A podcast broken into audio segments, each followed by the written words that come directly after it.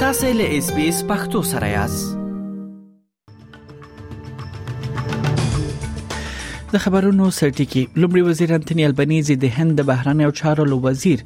سوبرام نام شنکر سره په سیدنی کې لیدل دي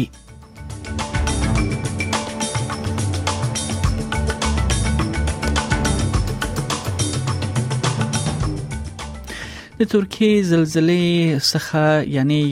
شاوخوا دوه ونې وروسته لا اوس هم ژوند کسان له کڼوالو څخه وېسل کیږي او د مړو کسانو یا د وژل شو کسانو شمیر له 15 سلوي زره څخه لوړ شوی دی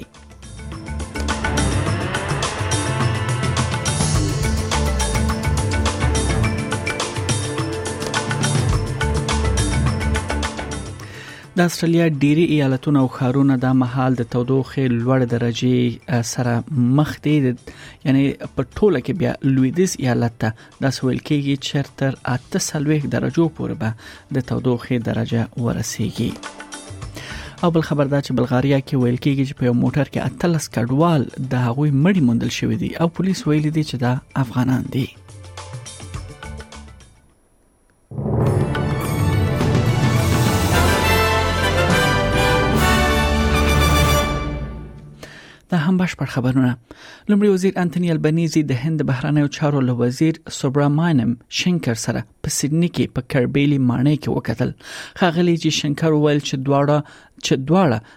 د هیوادونو د ستراتیژیک شراکت او کرکټ په اړه خبرې وکړي هغه مخکې د سیدنی بزنس سهارنی چای تر نامه لاندې یو غونډه کې هم خبرې وکړي خاغلی ویل چې په بدلیدونکو نړیوال سناریو کې د هند او استرالیا ترمنځ ملګرتیا خورا مهمه ده دواړه د لومړي وزیر په سوګنځي کې ناس وو د خغل البنيزي سره وویل چې د دواړو هیوادونو اړیکې لا نور هم پیاوړې کېدو په لور روان دي A number of meetings with uh, your Prime Minister uh, and uh, our economic relationship is improving. I think we have complementary uh, economies. I look forward to strengthening that as well, as well as on security issues. Uh, Operation Malabar, of course, will occur uh, in the coming period, which we are hosting. We have much to talk about today, but you are a very welcome visitor in our country. بل خبر دا ده چې د ترکیه وژونکې زلزلې دوه اونۍ وروسته د حیرانتیا خبر دا ده چې په ترکیه کې نږدې دوه اونۍ وروسته هم ډيري ژغورنه تر سره کیږي د ژغورنې ډلو درې ژوندۍ پاتې شوی کسان د یو شمېر ویجاړیو ودانیو څخه راځلي دي په ترکیه او سوریه کې له زلزلې یو لس ورځې وروسته د مړ شمیر له 15 زرو څخه اوخته دی او تمه ده چې دا شمیر نور هم زیات شي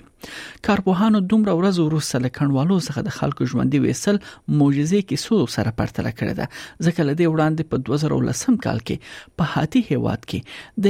یوې زورور زلزلې 15 ورځې وروسته هم کسان ژغورل شول اوس هم تمه ده چې ځینې کسان وژغورل شي په داسې حال کې چې د ژغورنې ډېری نړیوال ډلې د ناورین زونونو څخه دوی وتل دي داسې اساس یا داسې احساس شتون لري چې د زینو خلکو لپاره ژوند بیرته عادي حالت ته رسون شوی دی مګر اوسیدونکو وایي چې دوی لا هم له شاک او هم کړهونو سره مخ دي د حسین اوستیک او اوګوز تیک اوسیدونکو وایي چې ژوند باید روان وي I personally didn't lose anyone from the family, but I have a lot of financial loss. My home and businesses are gone. I'm seriously thinking what we will do. We will leave it to time. What will happen, how it will happen, I have no idea. I lost people who were really close to me. I cannot forget. I think I won't forget during my whole life. People who are very close to me are gone. God help people who lost their children and parents. د ژغورنې ډلو په ترکیه کې د نړیدلو ودانیو نه درې تنه ژوندۍ راېستل دي خو په سوریه کې بیا د مرستو د نابرابرۍ په اړه اندېښنې راپورته کیږي دا د یوې زلزلې څخه یو لس ورځ وروسته راځي چې تر 15 زرو څخه زیات کسان یې ووژل میلیونونه یې بیکوره کړی دي او د ژغورنې پراخې هڅې پیل شوې دي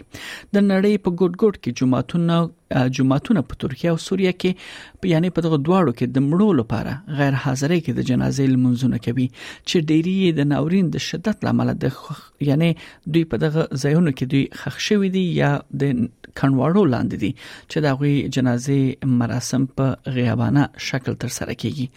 سعود ابو شمیس په سوریه کې په یو خوانزي کې د زلزلې ځپلو ته یا سیمه کې پناه وړې ده او وایي چې د هغو کسانو سره د مرستې لپاره چې د جګړې په حال کې دي د مرستې لپاره لا زیات کار ته اړتیا ده When we get the aid, it's our right to take some of it outside of the shelter and feed the people who are more in need. There are so many of them. Why are they not allowing us to do that? My cousin wants to come here and take shelter, and they're not allowing him to because he doesn't have a registration card. Let him register at the shelter. His situation is horrible. He doesn't know where to take shelter. د لویدیز استرالیا اوسیدونکو د دې اونۍ په پا پای کې د تودوخې سخت سپې سره دوی مخ دي د دې ایالت په شمالي برخو کې د تودوخې درجه تر 40 درجو پورې لوړه شوې ده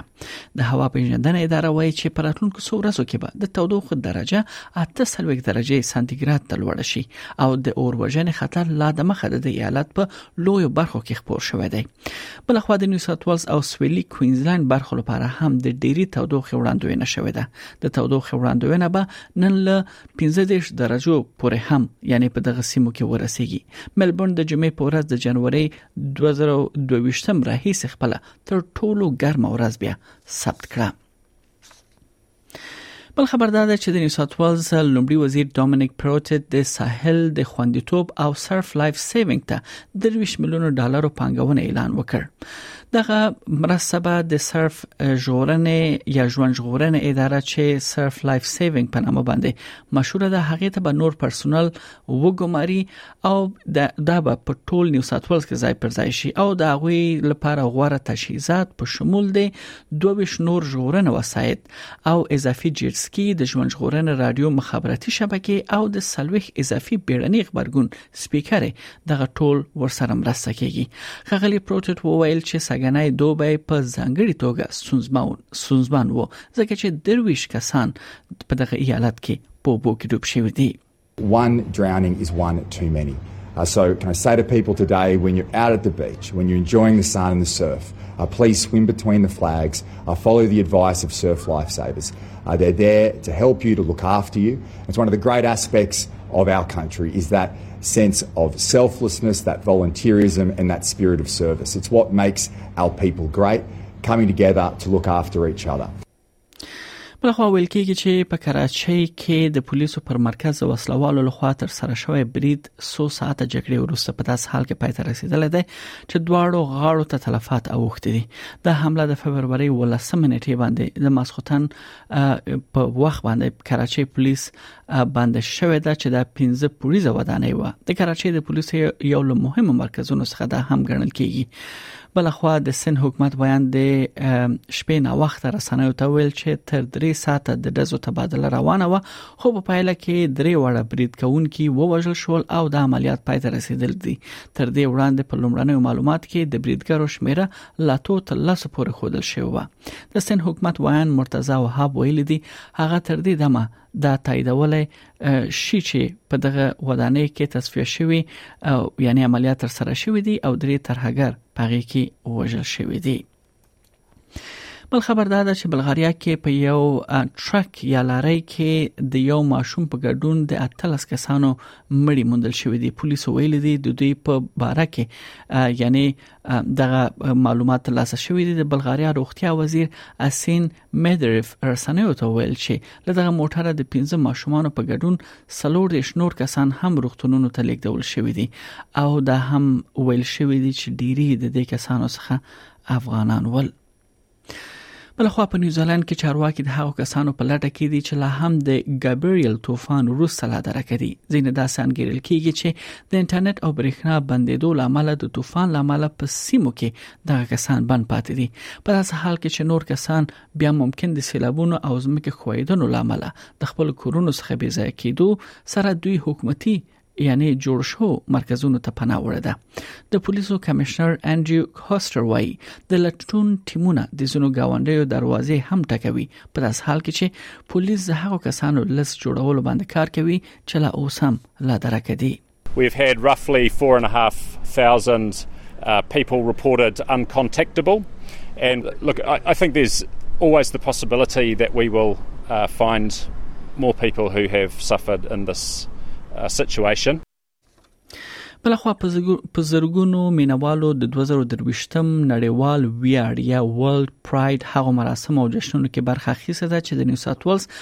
په پلازمینه سیدنی کې پیل شوې ده تنظیم کوونکي وایي چې د فیسټیوال د ترسره کولو لپاره ډیر کار شوی دی او د 1980 راهیسې چې د ازادۍ لپاره یعنی کله چې هم جنس بازانو دغه ماردی ګراس مارچ تر سره شو نو دا تر هغه وروسته تر ټولو ستر جشن لمانځل کیږي رینی ریورز د جامو ډیزاینر دی چې د ښار په ټاون هال کې د پراید پروګرس بیرغ پورته کولو کې برخه اخیسته و